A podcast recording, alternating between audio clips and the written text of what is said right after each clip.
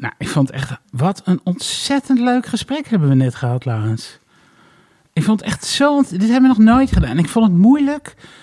Voor het eerst een, een gast in het Engels. Poeh, Ja, en het is ook iemand die ons eh, uit onze comfortzone haalt. hè. Wij- totaal. Nee, ik heb echt voor het eerst eh, dingen gehoord die ik eh, in, in jaren niet gehoord heb. Echt een nieuw inzicht op wat digitale media betekent op een soort wereldschaal en niet alleen vanuit een westers perspectief. Ik vond het echt superleuk. Wat goed. Waarom, eh, waarom dacht je, ik kies deze gast? Ik vond het goed om iemand te hebben die ons ook challenged. Iemand die onze overtuigingen en eh, pessimisme eh, misschien ook wel in een breder perspectief kan plaatsen. En is ook wel fijn voor de luisteraars als ze een keer niet dat gesomber van ons horen, maar eens een beetje een ander geluid. ja, iemand die gewoon zegt van, iemand die ook nog weer daar weer overheen kan gaan. En die gewoon zeggen van, wat? Pessimisme, dat is gewoon een privilege. Dat is gewoon een, een luxe, iets wat jullie je druk om maken. Maar dat is niet waar het werk om gaat in de rest van de wereld. En dat, dat perspectief heeft zij. En ze is een, een antropoloog. Dat vind ik al heel erg eh, leuk. Dat, dat is iemand die uit de, de humanities komt, uit de, de alpha-kant, zou ik maar Ja. zeggen. Eh, en het is- antropologen en, eh, en, eh, en designers hebben veel eh, gemeenschappelijk. Hè? Als je eh, design research doet, dat is bijna helemaal geworteld in antropologie. Dus dat is heel leuk. Dat zit heel dicht. Bestuderen wat mensen doen. Dat zit natuurlijk heel dicht bij hoe we tot goede producten zijn gekomen. En het is vaak ook heel praktisch. Eh, Ja. het zijn vaak toch de mensen, het zijn de mensen van het eh, kwalitatief onderzoek. De mensen die gewoon de menselijkheid er eh, vaak weer inbrengen. Dat leek mij heel erg interessant. Ja, en als je iemand hoort over, eh, die gequote wordt als the right kind of person to reform tech. Eh, als je iemand hoort over, die zegt, we are all suffering from moral panic. Snap out of your pessimism. It's a privilege. nou, Dan denk ik, ik denk daar moeten we mee praten. Dan laten we dat doen. Payal Aurora.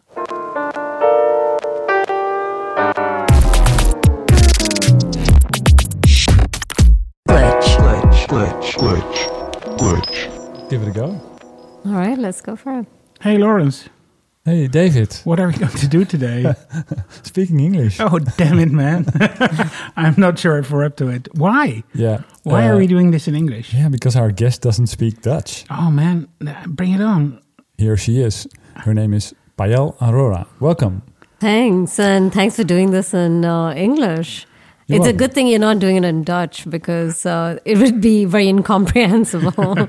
so for sure. Yeah. So uh, where to begin? Uh, let's let's let's begin with uh, let's just start with Spotify. Uh, I read you you actually work for Spotify as well. You have a you have a sort of a consultancy job for Spotify. Uh, no, actually, I went to give a talk about my book, The Next Billion Users, because Spotify is entering into the emerging markets, right? And um, I think they just want to see what is it like because their first move was to Mexico, but Mexico is too similar to the U.S., and so all they did was really translate it into, you know, uh, and indigenize it in terms of language but didn't really have to rethink design in very fundamental ways, business models. And if they want to enter places like India, which is extraordinarily different and diverse, uh, they have to really reconsider what they take as a norm. And so I was there to sort of rattle their brain a bit about who these next billion users are and how they're going to challenge Spotify into really rethinking their core business model. And what made you the person to give a talk to Spotify? Who, how do you uh, how do you see yourself in that? How, how would you describe yourself? Well, you know, I'm interested in people, and I've been interested in people from, you know, as long as I've remembered. And uh, in the last decade, I've been looking at how low income communities use digital media. I'm talking about um, in India, in South Africa, Brazil, uh, Namibia, many different places, China. And I'm just really, you know, driven by the question of when we look at people from extraordinarily different contexts and conditions, does that actually mean that they have extraordinarily different user behaviors? Do we have to rethink everything? Or, which is what the typical, you know, thumb rule is, okay, they will eventually catch up with us, right? Because we have figured out what's great design, we've figured out what's a great product. And uh, cultures from around the world will adjust and eventually evolve to become like us or to adopt products like, you know. So, and that's not true. So if if if we were to make that really practical, uh, you said, well, if Spotify wants to reach the next billion, they have to adjust their design. How does that work out in in in, in practice? Well, for example, um, you know, if you think about what's the core market, right? It's music. Right. But they can't be a music platform. And that's because the markets they're entering in emerging markets, that is, uh, the market there is piracy. We're talking about 60 to 70%, and that's not going to go away. In fact, it's not something on the, you know, fringe. It is actually an institution that has been honed, it's been built, networks, people, institutions have been, you know, uh, invest into this area and for decades. So it's a, it's, you know, when you so talk piracy is the incumbent, and and how how are you going to? that is the norm, right? Yeah. I mean, and so you have to convince users to, you know, choose your music for, I mean, however cheap you offer as Spotify versus free, right? So how's that going to work? No, you can't keep fighting, you know, the piracy market. What you need to do is create added value. You need to transform your platform into a social platform. What do what do Indians, for example, want, right? There are a lot of artists who want to connect with each other. There's a lot of like sociality that needs to happen, recommendations, because you see, there's a need for a real uh, public space for the joys of life, right? And you just have to look at what's happening in East Asia to get inspiration. And that's like, you know, all these sort of media platforms are actually social platforms.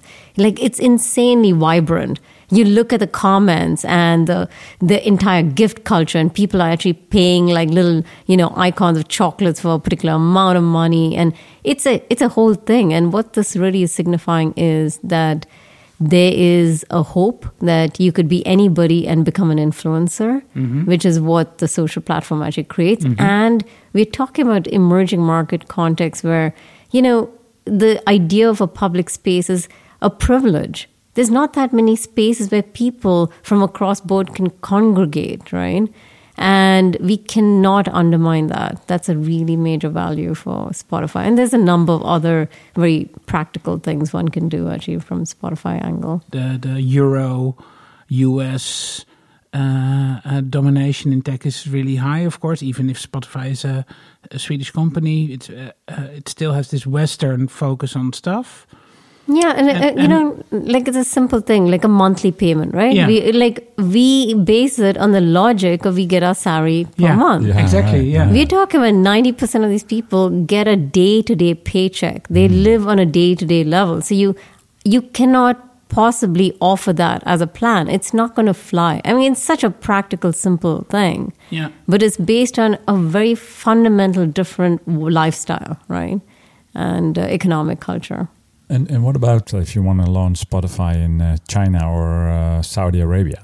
Can you just launch all the music in the world there? Yeah, I mean, and so that's a great question, right? Because music is extraordinarily political. Um, I mean, we look into how music, say, for example, in Ethiopia, the Oromo music, um, a couple of years ago, I mean, up to a couple of years ago, before Abiy Ahmed, the current prime minister, won the Nobel Prize and became the first Oromo president, uh, prime minister in the world, uh, Oromo music was actually banned because it was basically the tied to the movement for autonomy for this entire ethnogra- uh, eth- ethnic um, Group. yeah group right so um, actually music is extraordinarily political across board right now what's happening in chile right is tied deeply to certain kind of music which was actually during the military uh, dictatorship and that has become a resurgence and the way in which governments can contain protest is usually to realize that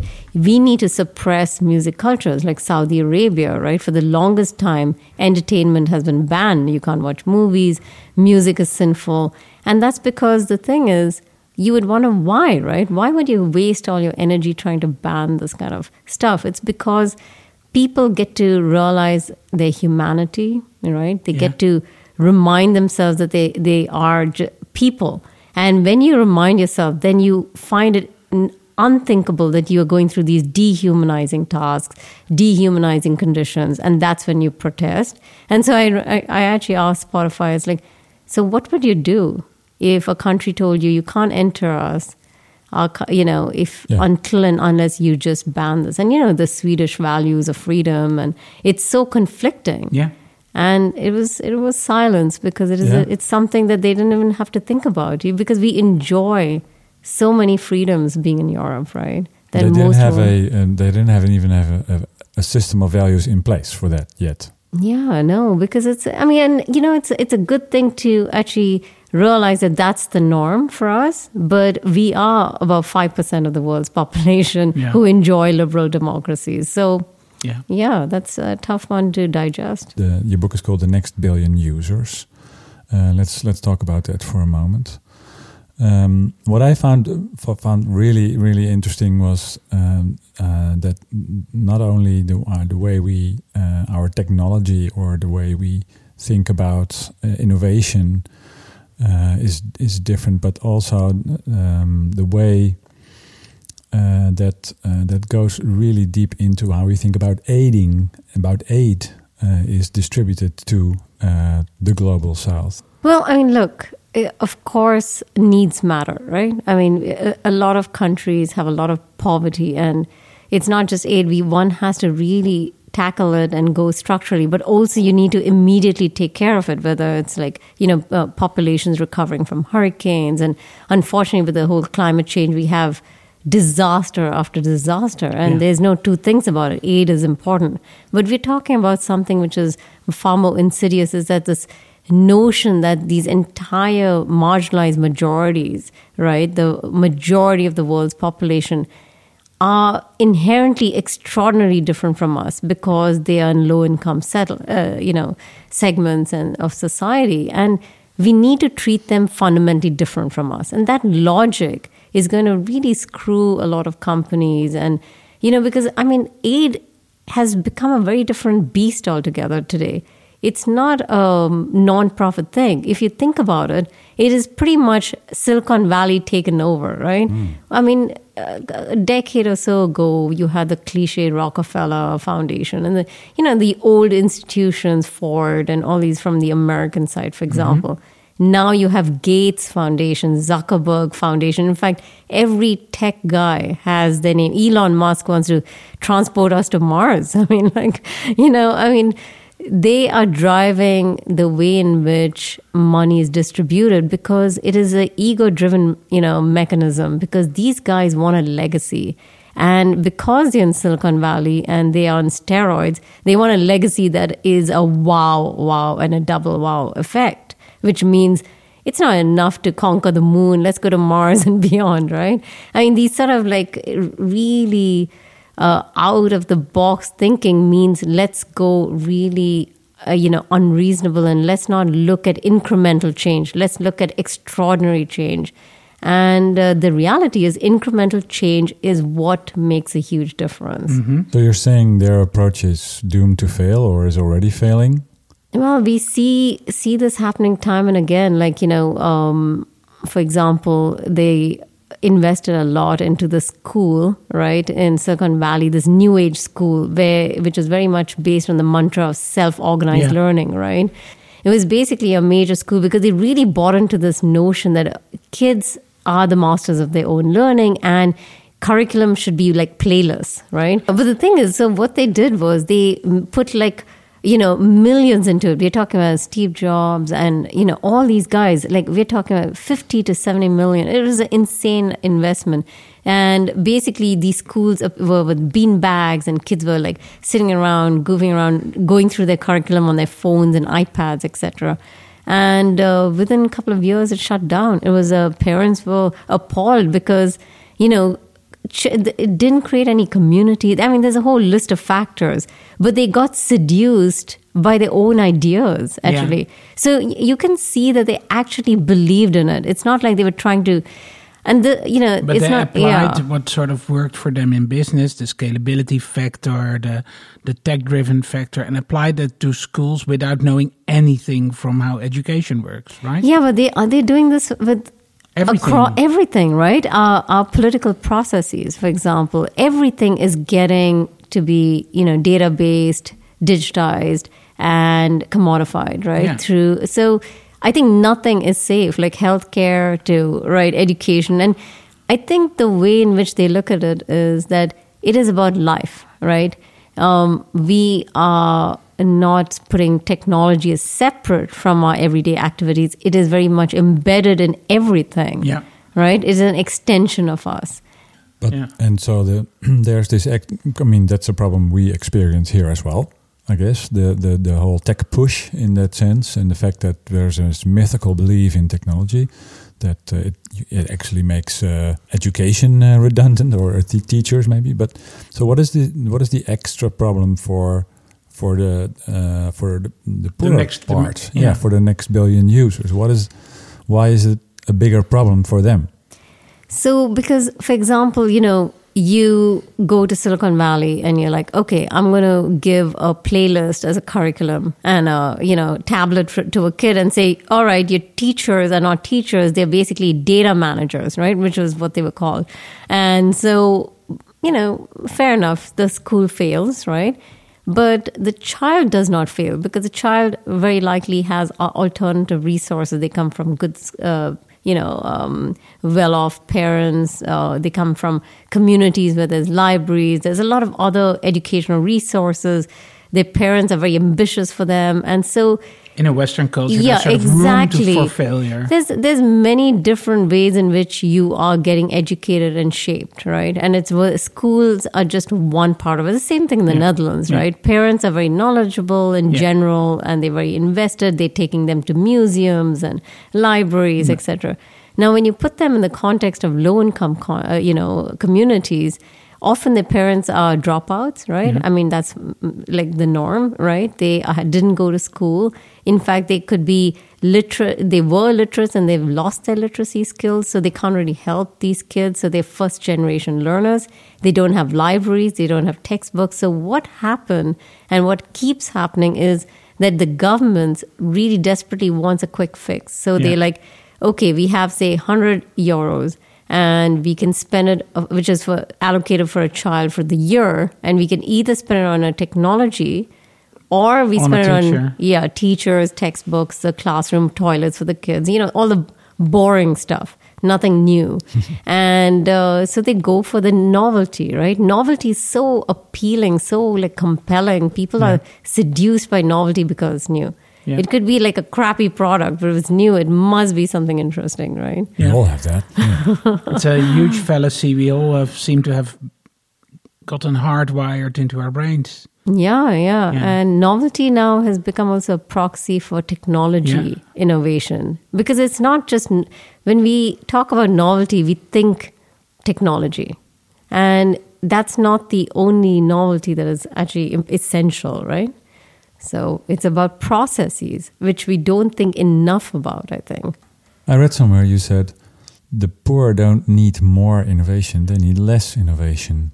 Yeah, I mean, that's what because it depends on how you define innovation, and that's what I mean. It's like now the way in which we define it is, oh, I just came up with the latest phone, right? I upgrade. So everything which is new, so let's just sell this. Uh, let's use them as live laboratories to test our latest products, and they say, then say goodbye, right? I mean, no, we need to come up with simultaneously institutional uh, reform. We need to come up with a lot of different changes for it to work, right? Otherwise, it's going to fail.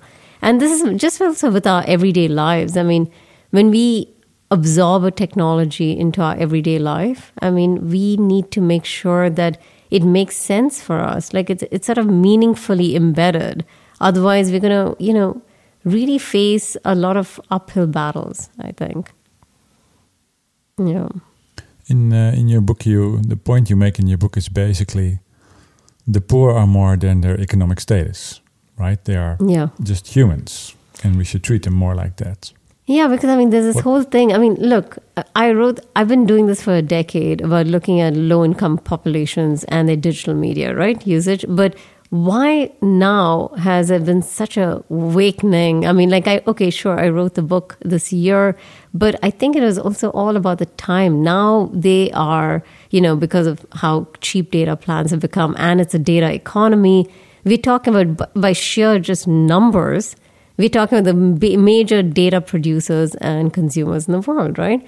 So, and they happen to lie outside the West. So, these companies and organizations are deeply hungry for getting the first mover advantage because those who have the most data will have the best AI products and you know be on top of the future of technology and innovation. They're literally the next billion. Yeah, yeah. And so people are like, they see them as now commodities, right? Like every time they use something, they're actually producing something which is useful for them.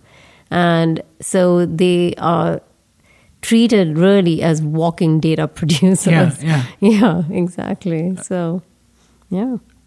I think uh, I read uh, an article by uh, Haroon Shaikh. He's a, philosopher and uh, he works, for the Dutch, uh, de Wetenschappelijke Raad voor het Regeringsbeleid. Uh, he, and he writes for a Dutch newspaper. And he made this, and you see it more often, this division that there will be in the future, there can be sort of the American model, where th- that's basically the surveillance capitalism model. You have the Chinese model, where uh, uh, uh, basically as a as a human you don't have any rights to your data or basically to anything. So uh, that is all going to the state, who can then use it to suppress you or whatever. And there might be something in the middle, a more European way. Basically, that was the hope that was created in this in this article.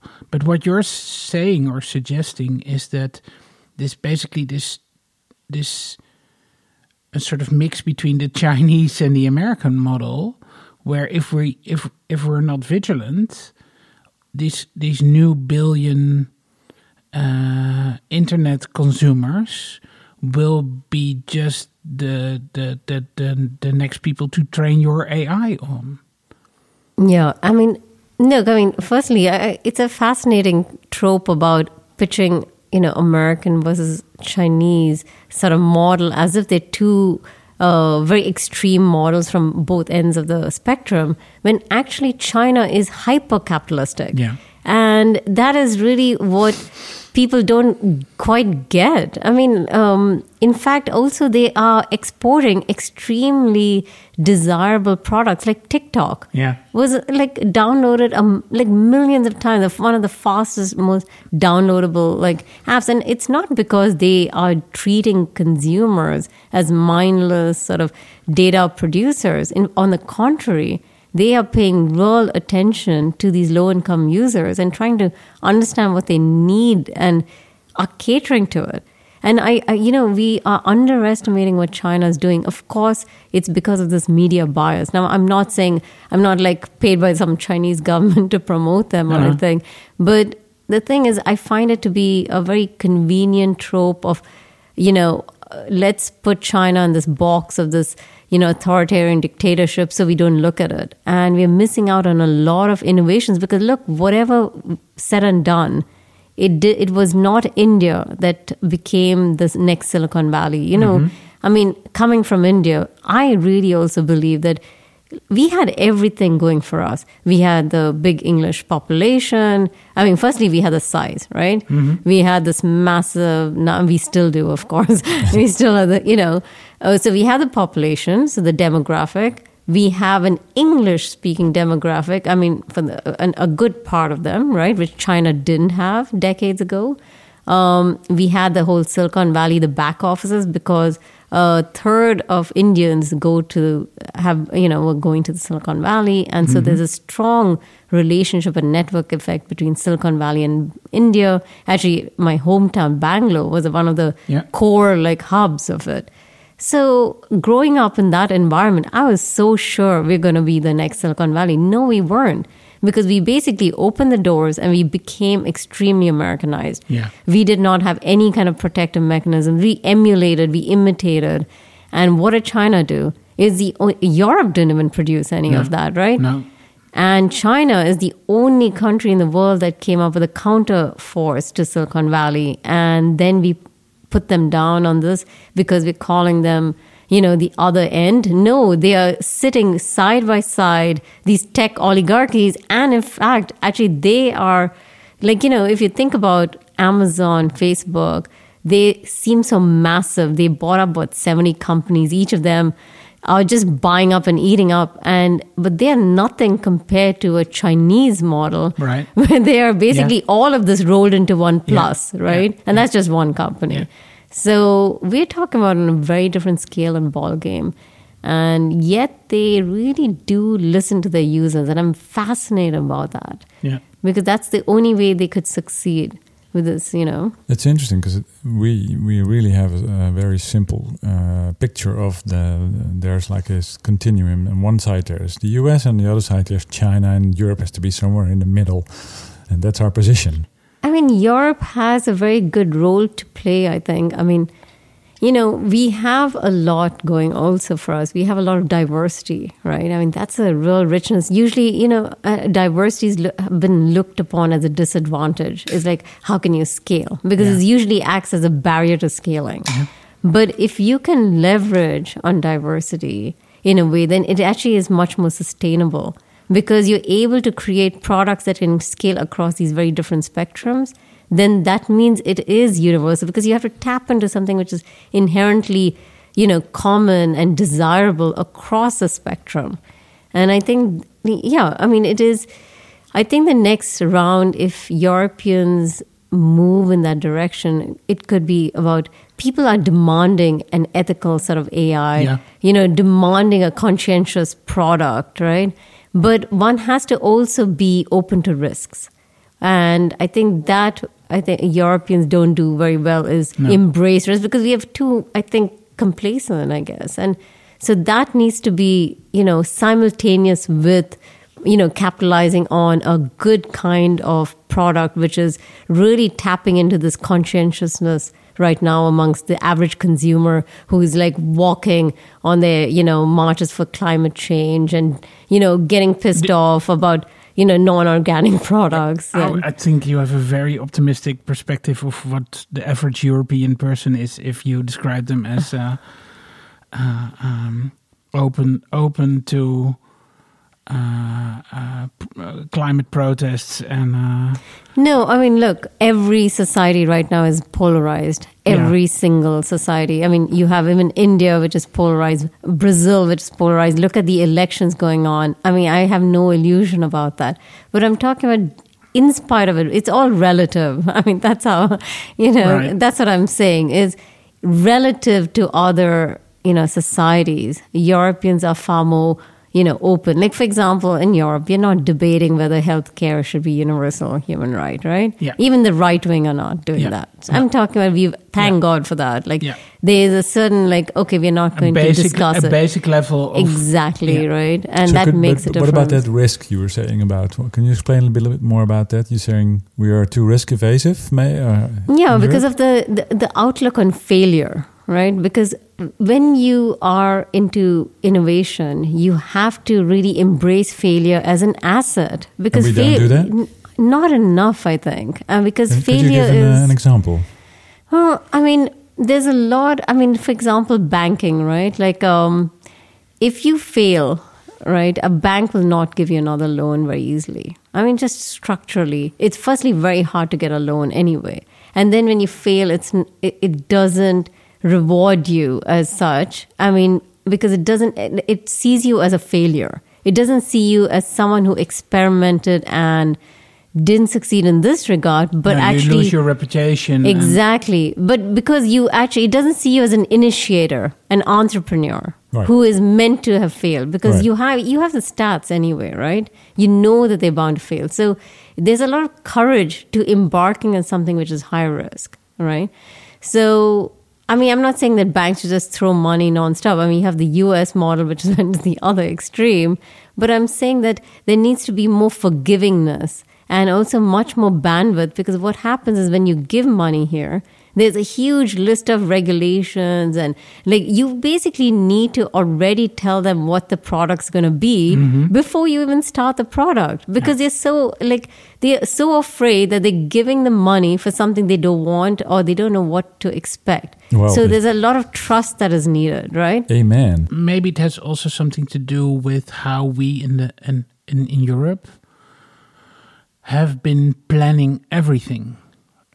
And Yeah. I think uh, in the community of Amsterdam, for instance, they have this sort of 25 year plan where they try to predict the growth of the city and uh, where they want to zone what and how and and and so this whole way of thinking has created this sort of mindset that the future will be predictable, where in reality, we know it's probably some, something in between. A lot of stuff isn't predictable. Maybe the, the long waves are a bit predictable. Uh, and there's a lot of unknown stuff that we know that might happen, but we don't know when it will happen. But we've created a culture, I think, where we act whether everything is plannable.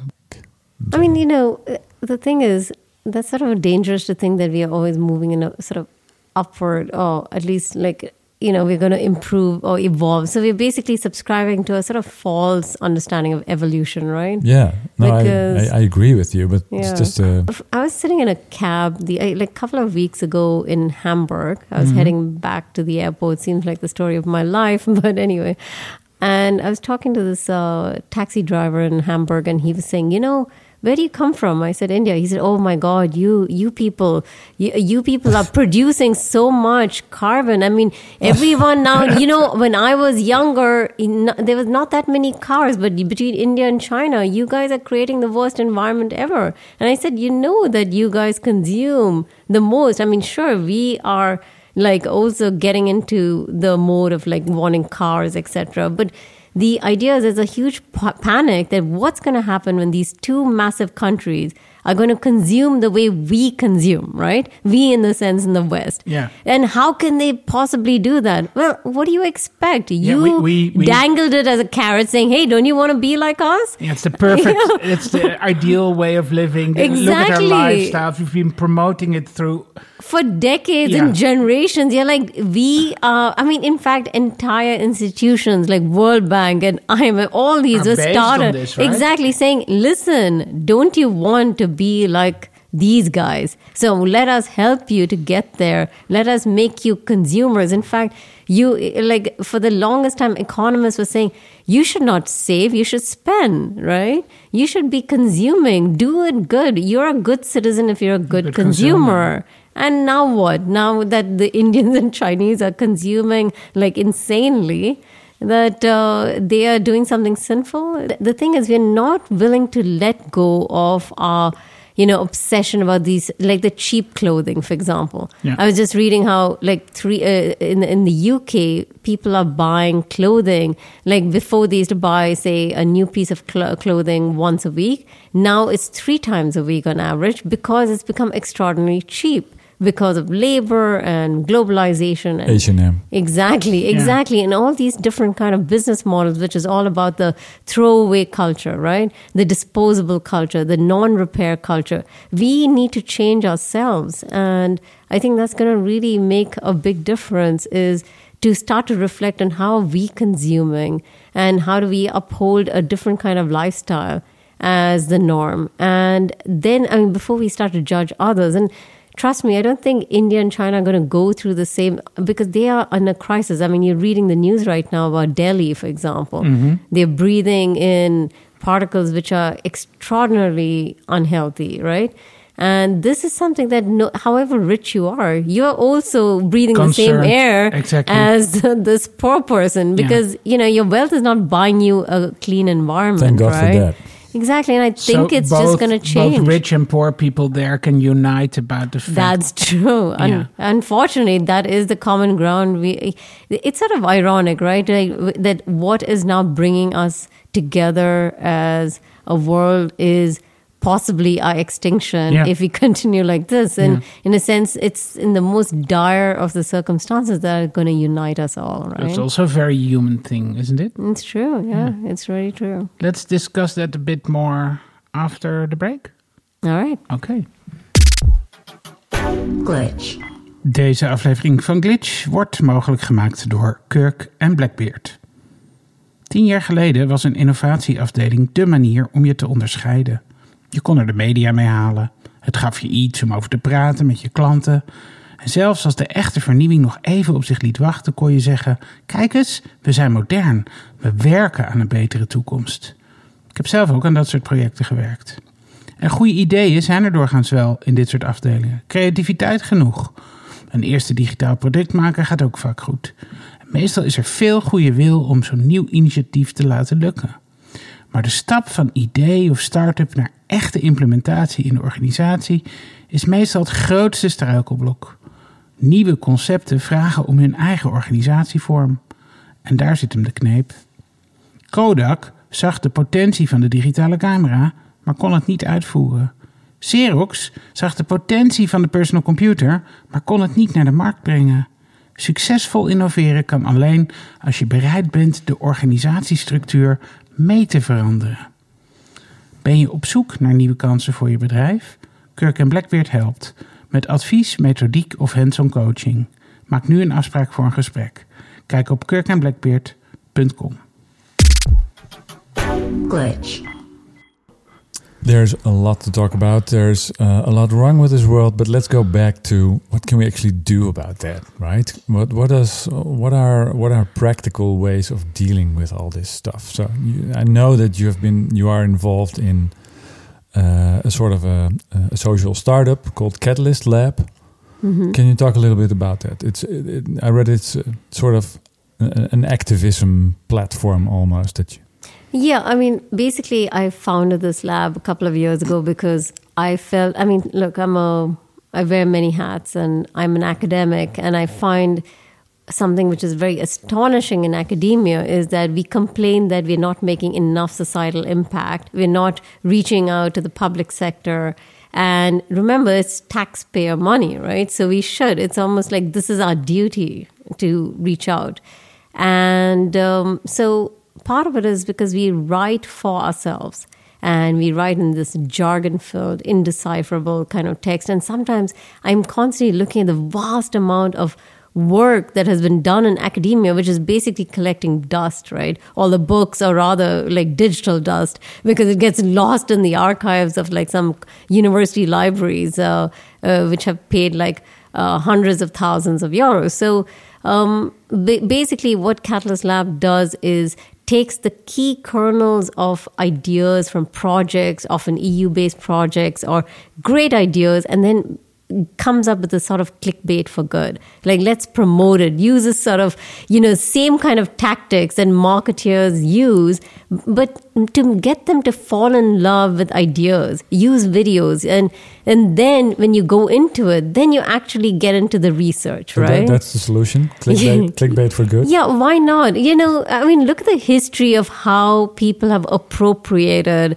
terms that used to be very, um, you know, uh, sort of dehumanizing or used to actually uh, bring them down. I mean, look at the N word that black communities used and became, you know, use it as a sort of empowerment, right?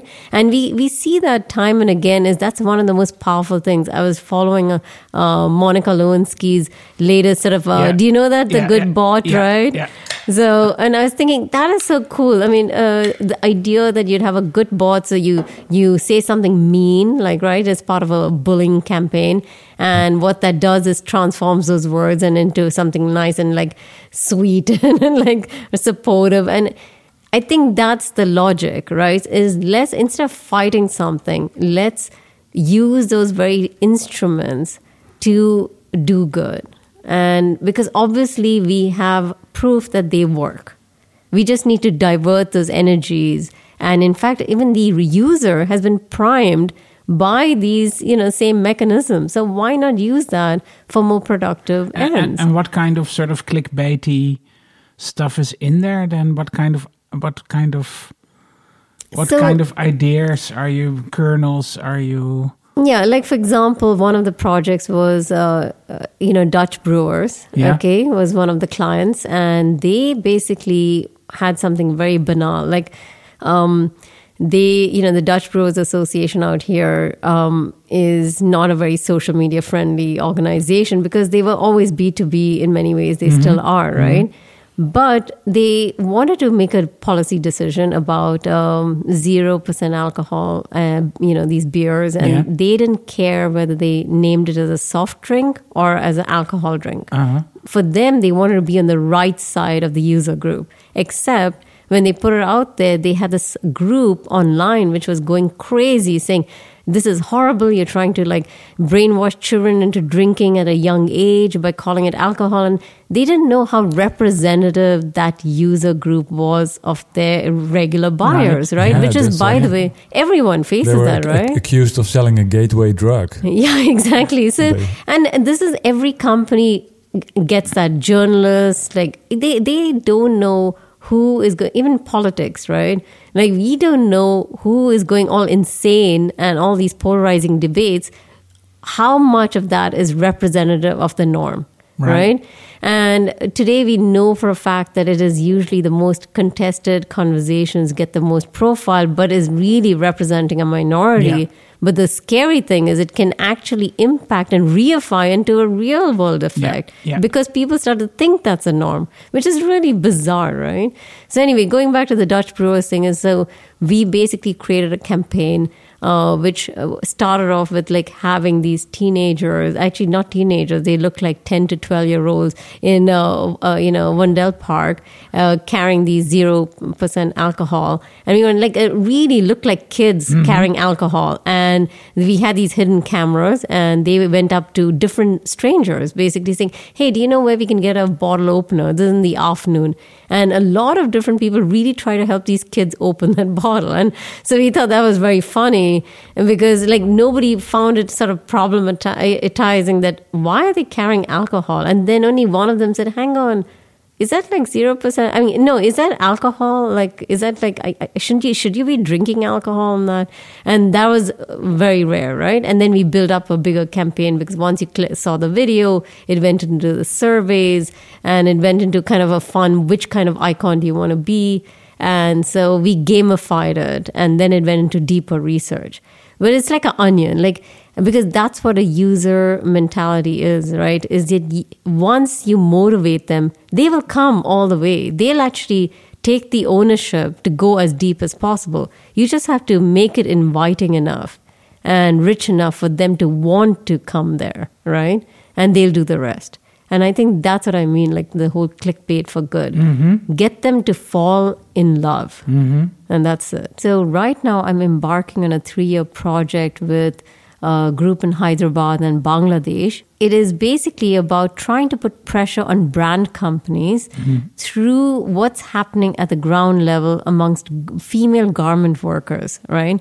Clothing industry. Yeah, clothing industry or basically women workers. It could be in the craft industry. Usually they're in these kind of areas in Bangladesh and uh, India.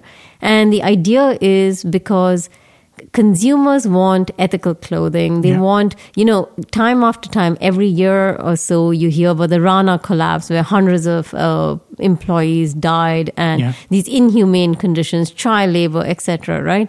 And companies are saying, okay, we promise next time it's going to be different. We're going to come up with auditing teams, etc. And then- then again, the same as something else happens. And so the project is basically let's capture the grievances because a lot of these workers are already online on WhatsApp and they have WhatsApp groups and they're very active and they basically are bitching about their working conditions or sharing their stories. And we're going to come up with a way in which we can build a digital storytelling campaign for consumers out here so as to educate them so they can put pressure on the brands and the brands who want to be on the right side can actually say you know come up with a sort of a label so we're going to work with these stakeholders to come up with a label like a fair trade kind of coffee So it's bit almost like a reversed campaign. Exactly. I mean, because that's the only way to change it because they care about what their consumers think. And if their consumers put their pressure, it's going to change. Not because they send some auditing teams into some obscure factories out there. Dus you're using WhatsApp. Yeah, And, uh, exactly, you're, exactly. You're not against WhatsApp. Uh, for for me, as a um, as a maybe as a small privacy activist, I would say that's not a that's not a good idea. Firstly, we are not choosing this. What's very important to remember is they are choosing it. We didn't tell them to get on You it. just go to the channels where they exactly. are. You go where people are.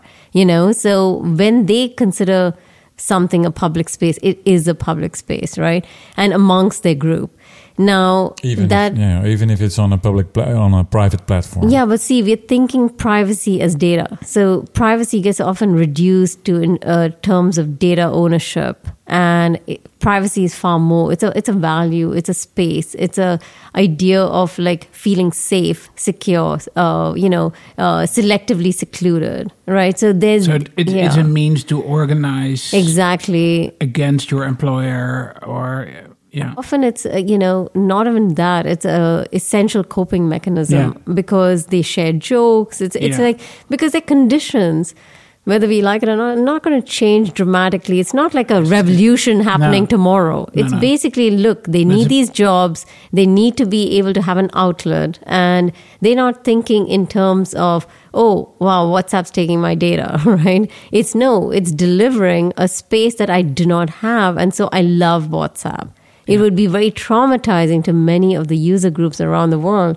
if WhatsApp was to disappear, just like TikTok or any of these Hmm, it would actually be extremely popular. Exactly. Yeah. And we that's know that's what a we possibility, right? I, I mean, I, I yeah. keep telling everybody, you know, we're going to hell because we're all using WhatsApp. Yeah, but I think that uh, a lot of people, I mean, it's completely different uh, situation here, but a lot of people uh, in the Western world are using social media or YouTube or whatever as a coping mechanism as well. That's true. Yeah. I mean, so it's not so different from what people do here as what they do there.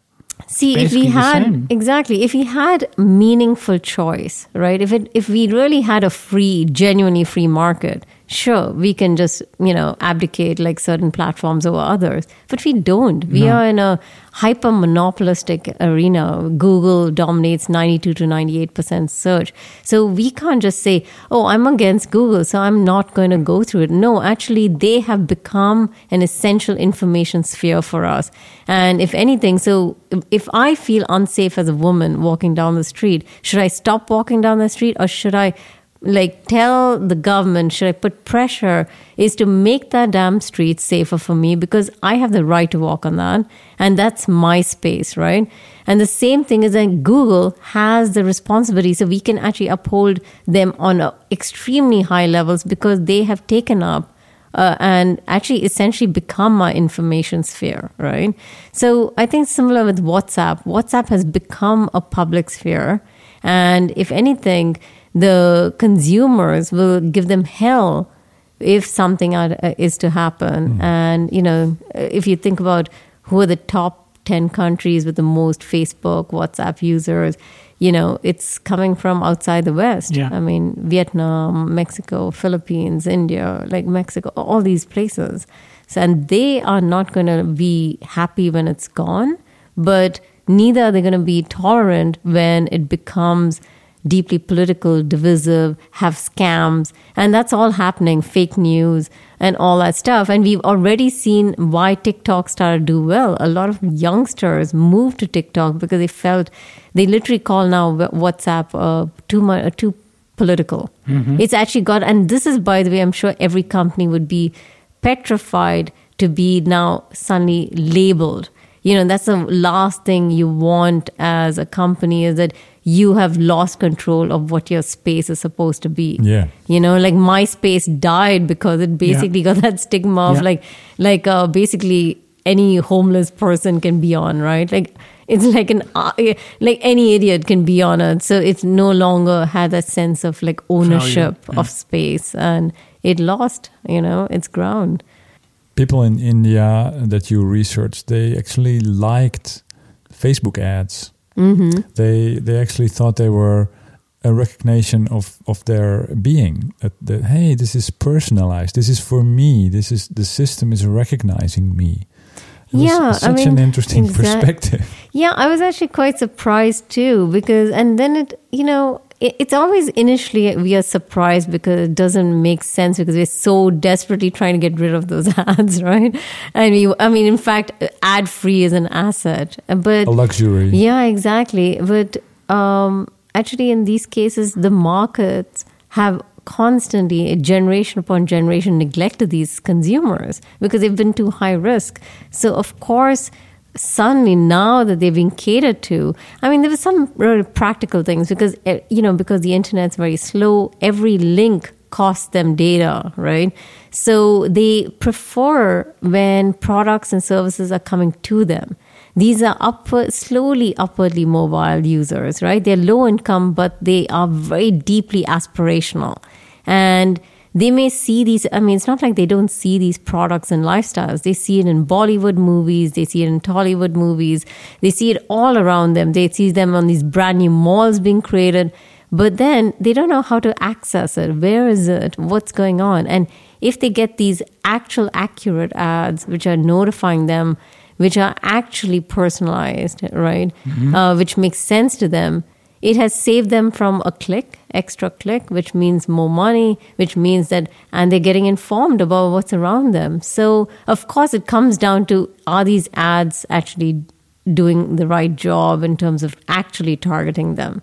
So, you know, it's a sort of interesting take on being, uh, you know, the more data you have, the more accurate you can get, right? And this is the dilemma we're in. Yes. Because, like, look at what's happening right now. We have a, having a real divergence between uh, in the West, right, where we are about breaking down these companies and keeping these data sets separate, and particularly in Europe, which means that we are possibly going to have less quality targeting Yeah. because we're going to have very like data sets that are not going to speak to each other, uh, which is for good reasons, right? right also of because privacy. we see it as a potential undermining of uh, our political system. or- yeah. Absolutely. No, but see, that's that is what's fascinating to me is it's all about values, right? So what is happening here is we are privileging the right to pri- individual privacy, right to security of our data Yeah. over the possible hyper accuracy of targeting exactly, which means catering to uh, better services, better products, right? Because we don't value it as much as the other two, right? Whereas in China, they're going to bring and they are bringing so many data sets together which is our financial information the you know eh, entertainment what do i eat to you know all these kinds of things and they can come up with far more accurate targeted say ads for example to their user their needs etc and are able to almost satisfy them much more versus like say here we're going to get much more spam because it will be spam because it doesn't have that kind of educated sort of learning from these you know different diverse data sets. So this is a very interesting time period we're in and um, we are moving in two different directions these sort of worlds right? Because of different sets of values. I'm not saying that Chinese citizens and users, or just like other global south users, don't have values to privacy. And I'm not at all saying that. They all care about it. And because privacy is something so essential, but it's because they have not been consumers for so long. You're talking about a communist history, you're talking about poverty, that this is a real novel phenomena of consumption, which is sort of legitimizing who they are, right? Right. And it's just, I'm It- just saying a- sensitive. It gives them an identity. That's what you say. Yeah, like meaning it, part of their identity of legitimation that I'm also a consumer, Yeah. which is to us, we've always been consumers, Yeah. right? We, I don't think we, someone can picture them not being a consumer. So, yeah. So if if if I would have a, a Western focused company and I would want to address this demographic in, in China, what would I need to learn? How is it even possible to do that from here or would I it seems like you you only can do it in co-creation with local people. I think so. I think you really have to. But you know what? It's it's not only here, right? I think anywhere we need to co-create with like the, basically it's saying that your users are at the center, and if you're trying to enter a new user group, it's worth finding out what are their priorities, who they are, and you know it's it's interesting. It doesn't take that much. Because sometimes, I mean, we're so seduced by this notion of big data Yeah. because we think that it's going to give us bigger insights. Not necessarily, because big data has a lot of loopholes, and in fact, it, what it can do is something extraordinarily dangerous. It can give us the illusion That we that we're yes that we're capturing Yeah. the Yeah. masses when we know for a fact today we have the evidence that we actually big the big data is got a lot of missing data sets we have an information deficit in many areas Yeah. which is misrepresenting our marketplace whereas what i'm cons- uh, pushing for is thick data small data where we have no illusions that this is representative of the whole user group but because we understand the complexities of user behavior, that complexity is scalable. We can use our imagination to transfer those kind of behaviors across these different contexts. So if I'm thinking about women, low income women,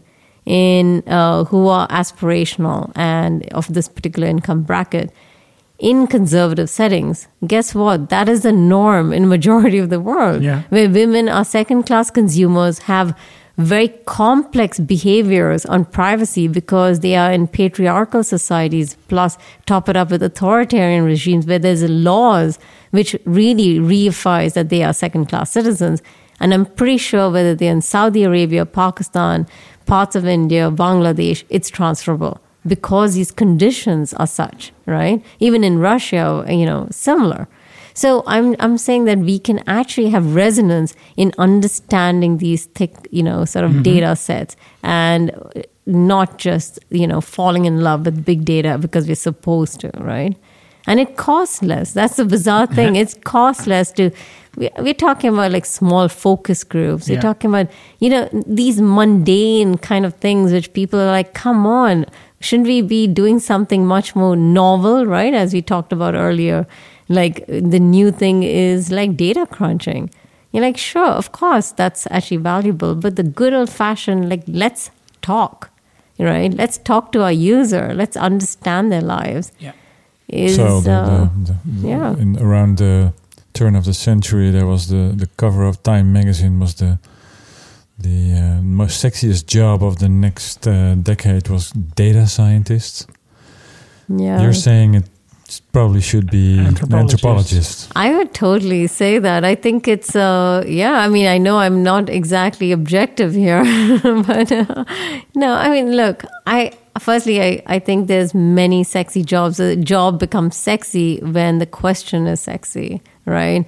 And the question that you're pursuing, the, the sort of like bigger overarching, you know, problem to be solved. And then it, whatever tools you have at your disposal and this, your your sort of aptitude towards those tools is what makes it happen. So for me, it's anthropology. But what I'm feeling is that we can objectively say that there is a misalignment in priorities in terms of where what we give value to as legitimate, which is you know big data analytics, predictive analytics, and what we do not give value to because it's like the end of theory, the end of even qualitative work, right?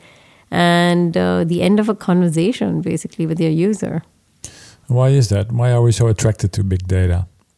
because it's sort of a is very reassuring that we, it can be reduced to simple trends because we want to be able to make a decision. And by the way cognitively i get it because decision making happens because we reduce complex phenomena into simple sort of sound bites to our mind to convince ourselves of making a right decision otherwise we would never make any decisions And, right and, and also, it's uh, far easier to trust a machine than to trust a man. From a managerial perspective, in, in, in many corporates, uh, managers find it uh, easier to trust the data, the spreadsheet, the, because it's anonymized And dehumanized? and dehumanized, rather than the the the report of a researcher, because they can make it political. Says it's just an opinion. Yes, of course. I mean, you know, although we know that these sort of uh, big data analytics uh, or these stats or these reports are actually really a manifestation of human, you know, engagements, right? So that it is just as flawed, like, and yeah, and, and And there's bias in the models Absolutely. and everything. Yeah, of and yet, yeah, it appears neutral, Yeah. and that's the thing. I mean, I mean, look at the case of Uber, right? That recently happened where uh, it went over this woman who was jaywalking, right, with a cycle. Yeah. and um, Oh, that drove driven over. yeah, yeah, yeah. And basically, what happened was the machine recognized there was an obstacle, but it was programmed because the program was like human beings cross the road when there's a green light. And have you met a human being? Because on average, we all have jaywalked, right? Yeah. So I was actually quite surprised that how come, you see, we don't like to program in our flaws, our failures. And uh, that's what's inherently what a typical user group, it's, it's irrational, Yeah. right? And I've been really pushing for this, that we need to look into irrational design. Because, we, you know, rationalism is not actually the pathway to good design because what that is is you're expecting human behavior to be predictable to have a sense of logic to it when there is a lot of uh, there needs to be a room for playfulness because we have this capacity for the irrational which needs to be manifested in our design in our product services. And also actually that's good because that allows products to grow right? Because not like in the olden days where a product is finished and then it's released into the market today a lot of digital products are actually designed to be incomplete Yeah. right so we know that for a fact and yet we pretend it's complete Yeah. right or at least we're pressured to make it appear like it's complete Yeah. Yeah.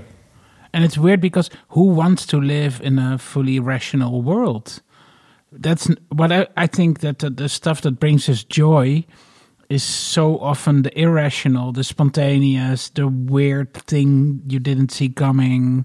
Yeah, absolutely. I, I mean, the, the sort of quirkiness, right? I mean, is what, like, like for example, you know, a, a, a sort of what appears like a flaw could actually make it unique because it's a little eccentric, right? I mean, if you think about beauty models, right?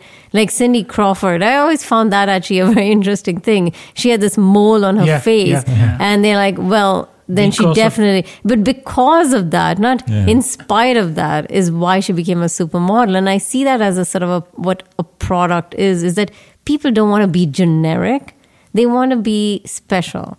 They want to be sort of, you know, unique, right? And if you can like capture, but unique not in the sense of like this flawlessness unique, like this perfectionism, because we already, I think a lot of consumers are under that pressure every day Yeah. right? Mm. So there's something enduring about, you know, Yeah, and I think the, the Uber case also is a clear example of um, the the the world that developers uh, on the mostly on the on the back end side, I have to say, are living in. It's a world in which something that is not allowed cannot happen, yeah, and uh, in the real world, that's not the case. If something is not allowed, it can still happen. Someone can still cross the street if he's not allowed to. Yeah. and in a digital world, that's the same. In a programmer's world, you cannot do that. Mhm. So it's actually it's incorporating the real world into the digital world uh, as from a from a programmer's point of view. I, I think. Yeah, I mean, because you know, people are like, well, how do I design algorithms which are like responsible AI, or, you know, ethical AI?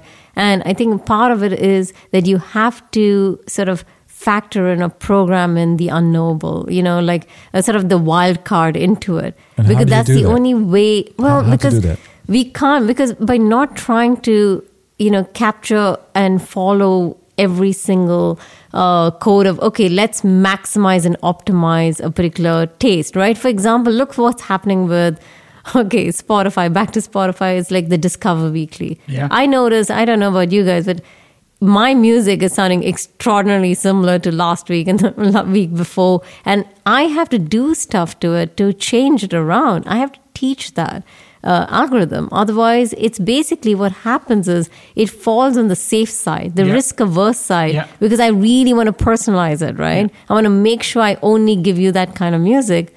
And if and you then it's no longer discovery because you're basically That's it. fed more of the same rather Exactly. than wild cards and new stuff. And so it comes into this mode of trust that can I trust my consumer to be forgiving and actually appreciative of something which is, you know, different? Because I may throw in a couple of songs which actually doesn't at all go to my taste. and I may actually even hate it. And will I hold it against you or not? And Yeah. that's the question. And I will, I believe the user will not hold it against them because they, you know what, first week I may get a bad song, which is like, I don't listen to rap. But the next week, I may actually like Discover it. something, I mean, yeah. dis- discover K-pop, right? So yeah, I mean, um, I think I mean- trusting the consumer to be forgiving, Yeah. right? And then Yeah. we're back to taking more risk, Yes, yes. you know. Do I mean you as an anthropologist, you know what people really want. At least you can perform the research to find out. So is there is there still room to find new stuff and experience new stuff if you're looking at in the same looking for it in the same distribution mechanism that everyone uses? Yeah, I mean, basically, what we are facing is something extremely formidable is the faith in the nudge effect, right? Mm-hmm. Because the thing is, the first generation of these apps, platforms was like, okay, let the users dictate. But then it was too high risk because, uh, you know, shareholders didn't want that. It's like, we don't have the patience for this. No, you tell the user what they want the whole steve jobs mentality right is they don't know what they want you had to give them what they thought they did not know what they wanted that kind of like logic Yeah, right yeah, yeah. and now actually something different is that actually what i feel hopeful is that users are actually pushing and playing with it because they're understanding that these algorithms can be taught i mean they may not like i actually had a conversation um, with someone in Bangalore. I was in India last week and um, I was at this design up conference and I was talking to some of these guys and he's like, you know, I actually I was uh, I like to uh, change my the kind of uh, recommendations that LinkedIn makes. So I deliberately started to add different people from a different industry, and e- even if they don't accept, it's actually changed the kind of recommendations and they will also i'm pretty sure then that that will also push the other people to you know click on me. And so you know i do believe users are not as stupid as we think they are. They are very active in trying to get what they want right? And uh, my god and talk about romance economies right? I mean that's a whole like Yeah. the romance apps. It's like i met so many young people who are all about let me just spam like crazy. Let me like look up all kinds of names like jess and you know jessica and all these different names and let me friend them all because unlike here where we would not accept a friend request from a stranger and that's just less than 4% of the population does Yeah. and actually it could be even less than 2% you know i rarely get a hand up when i ask this question but in low income countries it is half their profile or two-thirds of their profile. And they have learned many different strategies of how to get a stranger to stranger to just accept them right? And so it, it's it's fascinating all these different strategies. But um, yeah we are indeed sort of a it's a push and pull. The nudge effect of you know the let's tell them what they need to uh, have and consume because it'll make business cycles much more predictable and the user is like oh my god this is getting boring Yeah, you know and so I mean, it pretty much uh, boils down to that doesn't it so yeah. Yeah. So you're very you sound very positive when you when you when you talk about the future. You have a do you have a positive view on the future? I, you know, I do because inherently, when we, if we are thinking about the future, that means you, you're positive, right? Because I mean, you have to be. Yeah. Because otherwise, what are we looking for? Doom and gloom? Because that's already here. We are experiencing such a deep pessimism bias. So, I mean, it's extraordinarily deep. I mean, when I came to this country 10 years ago, my average students were super optimistic and like all wanted you know they loved social media. Everybody wanted to be a social media consultant. Yeah. now it's like oh my god facebook is killing us. I want to detox. I want to like move away. Or it's like the evil empires tech oligarchs etc right? I, I even have students who come up to me. Uh, i had this one student who actually asked me she says you know i've been I have this data on users, but I don't know what to do with it. I'm like, what do you mean? She says, no, because all the literature I've read is that it's all about surveillance capitalism and all that. but the users are very happy. So what do I do? Nothing. I'm like, go with the user, go with the data.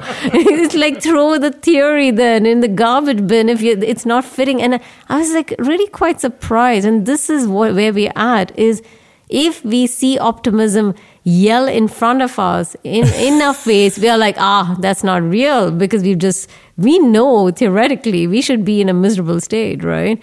And the fact is that many people are actually, you know, they do like the apps. They do like their Google Maps to get them to locations. They do like the NS app, well, sometimes. Or, you know, they, they do like these sort of everyday apps. It's become part of their lives. And um, yeah, for better or worse. And what they, I think, what is a uh, very important thing here is that, and where I'm optimistic, is the enthusiasm for users to invest in changing this tech.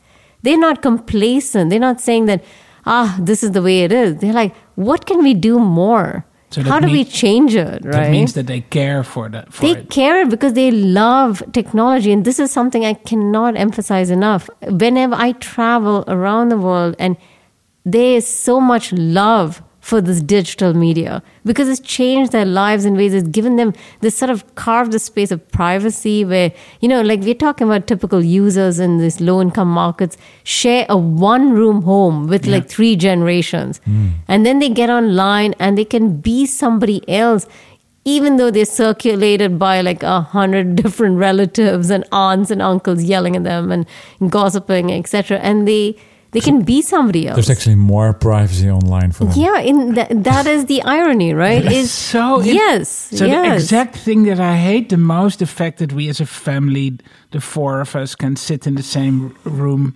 each one immersed in his his own digital thing and his own digital space and world, is bringing freedom for a lot of people in the rest of the world. It's Yeah, a privilege, I guess, as well. yeah, yeah, because That's- you know that's, that's such a good perspective. Yeah, because it's too like we here have way too much individualism, right? We Yeah. have like we we there's this whole thing about I need my personal space. I have my I actually am like uh, say the average user is wealthy enough to probably live in a studio Yeah. or would like to live in a studio if they can find one in Amsterdam.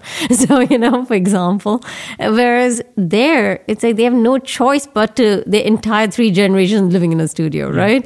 And that's a whole different ball game where community and community norms are the, you know, the typical way of life. Arranged marriages happen for 98% of these young people. 98%. So there's this idea of choice is not exercised enough. Individualism is to a backseat to what is good for the family, Yeah. what's good for the community, who, you're representing. And then you go online and you can be part of some like rap group, even if you're in rural Pakistan, for example. Amazing, huh? Right? Yeah, yeah. And that's something which is not some pipe dream from the early years of the internet. It's very much a lived experience around the world. And we actually thought that, ah, wasn't that propaganda from the times of Barlow's manifesto Yeah, or something, yeah, right? yeah. No. It's real. yeah, it's, it's still real for many people. Yes. I have to say, I, I do am I am very uh, positive about your students. I didn't know students were so aware of the whole techlash privacy awareness. I didn't know that. I, I thought it was uh, a privilege of these middle-aged white men like us. but so there is actually awareness like that in students. Yeah, I, I think, um, I mean, there is definitely this awareness. There's also this uh, notion of, you know, being uh, respectful for each other's uh, spaces online. I mean, so there is that shift now. Actually, you know, I don't know if you guys have actually looked at TikTok and read the comments below because the comments are super supportive. Like, meaning if you compare to YouTube comments that are just mean, like Yeah. you could have a Yeah. the cutest kitten next to the cutest baby and they'll still be bitching in the comments. Yeah, and tiktok's like you could it's be different, huh? yeah and i i that says something. And talk about a hopeful message that is something. Because what the young people are like you know what? We want something which is non-political. We want something which is not about status. I mean the whole logic of tiktok is that you you you're not. It's not all about the followers. It's not all about the your your power over. it. It's all about just what's cool content, Yeah. right? Yeah. And I think that's where we want to be, right? Is it's regardless of it's almost we've come back full circle about what the internet was supposed to be. I guess I'm being sort of yeah it, retro. So Did it even go away? We see that a lot. yeah, exactly. Well, but yeah, bottom line is indeed I am hopeful because the ex- as long as expectations among you among users rises and the demands for what the public space, which is this digital space, is becomes more complicated in terms of they want a more democratic space, a more respectful space, a more playful space, a more you know uh, serendipity uh, kind of Yeah. uh, space. Then we have hope, and undoubtedly, right? Well, that's a, a It's great a powerful message. huh? finishing statement. Yeah. Yeah. So um, we always finish with something positive, and we've already covered a lot of positive. But let's uh, let's uh, let's go on that uh, a little more. David, uh, did you have, find something positive that you want to? Yeah, but Share maybe, on top of this. Yeah, sure. Um, but it's maybe a bit weird. Uh, I was in Berlin uh, last week, and um, it completely struck me how uh, how it was like Amsterdam in the eighties. And I had a flashback, and I thought, oh, it, people there seem to be capable to deal a lot more with stuff that isn't polished and that isn't clean and and I had a very positive feeling because I don't know because it it, it was a, a trigger uh, to, to my use uh, probably. Uh, what I find positive in it is that I think that we should be able to accept more resistance more uh, dirty stuff more and and maybe in in uh, maybe maybe we'll get that here as well. And, and and the Netherlands become a little less well polished and oiled and Risk evading. and, and risk risk avoiding and and that would be nice. Yeah. Yeah. So that's my, oh and there's another thing is that uh, Apple uh, launched a new laptop with a functioning new keyboard. So if this one breaks I'll be able to buy a functioning new laptop which is a if you've invested in the Apple ecosystem as I have is really good news yes, very important. and you What- and you uh, Raj? Uh, I, I just uh, uh, um, noticed uh, something in my uh, reading list, and it was about uh, this uh, cosmetic brand called Lush, who uh, I never really uh, got what they were, but apparently they're founded by activists. Yeah. really. Uh, I didn't know them, but no so and uh, I read about that they uh, quit social, Yeah. and um, uh, and also uh, that, that was really interesting uh, to read. Uh, the, what they were saying about it made a lot of sense to me. They, uh, you know, they were saying like. Um, we want social to be more about passions and less about likes, and I thought that was really good. Um, I mean, in, I'm still processing everything that was said this conversation here with you, Payal, and it was really uh, broadening my mind because in my mind social media are evil and and uh, and should be abolished but uh, yeah so but uh, the general idea of um, seeing seeing uh, social as something human and and uh, something about passion i think that is really good to bring back uh, online in a digital space and also that it's evolving.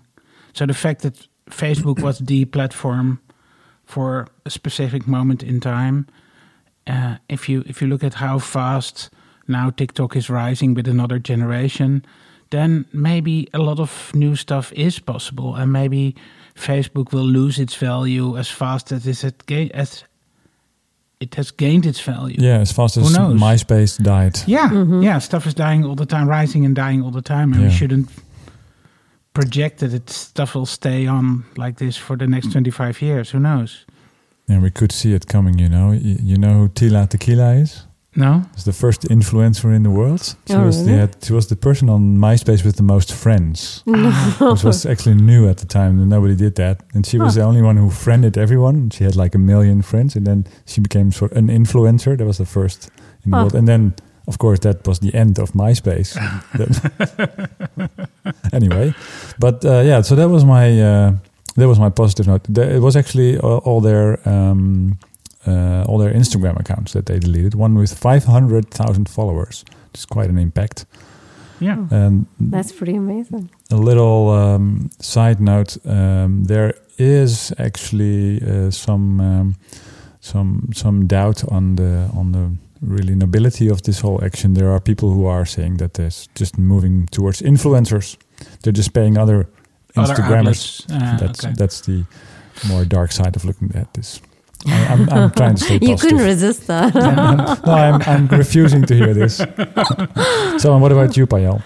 Well, I mean, I, I you know, I think we um, keep hearing about the growing global inequality and it's how it's polarizing our societies. And uh, you know, when I am online, I I actually got friended by a number of kids who I met in these my field work uh, years ago. I'm talking about like ten years ago. This kid from this village, particularly, and uh, uh, and he's now on LinkedIn, on Facebook, and you know I see their lives, and I was thinking, you know, because we when we leave the field, right?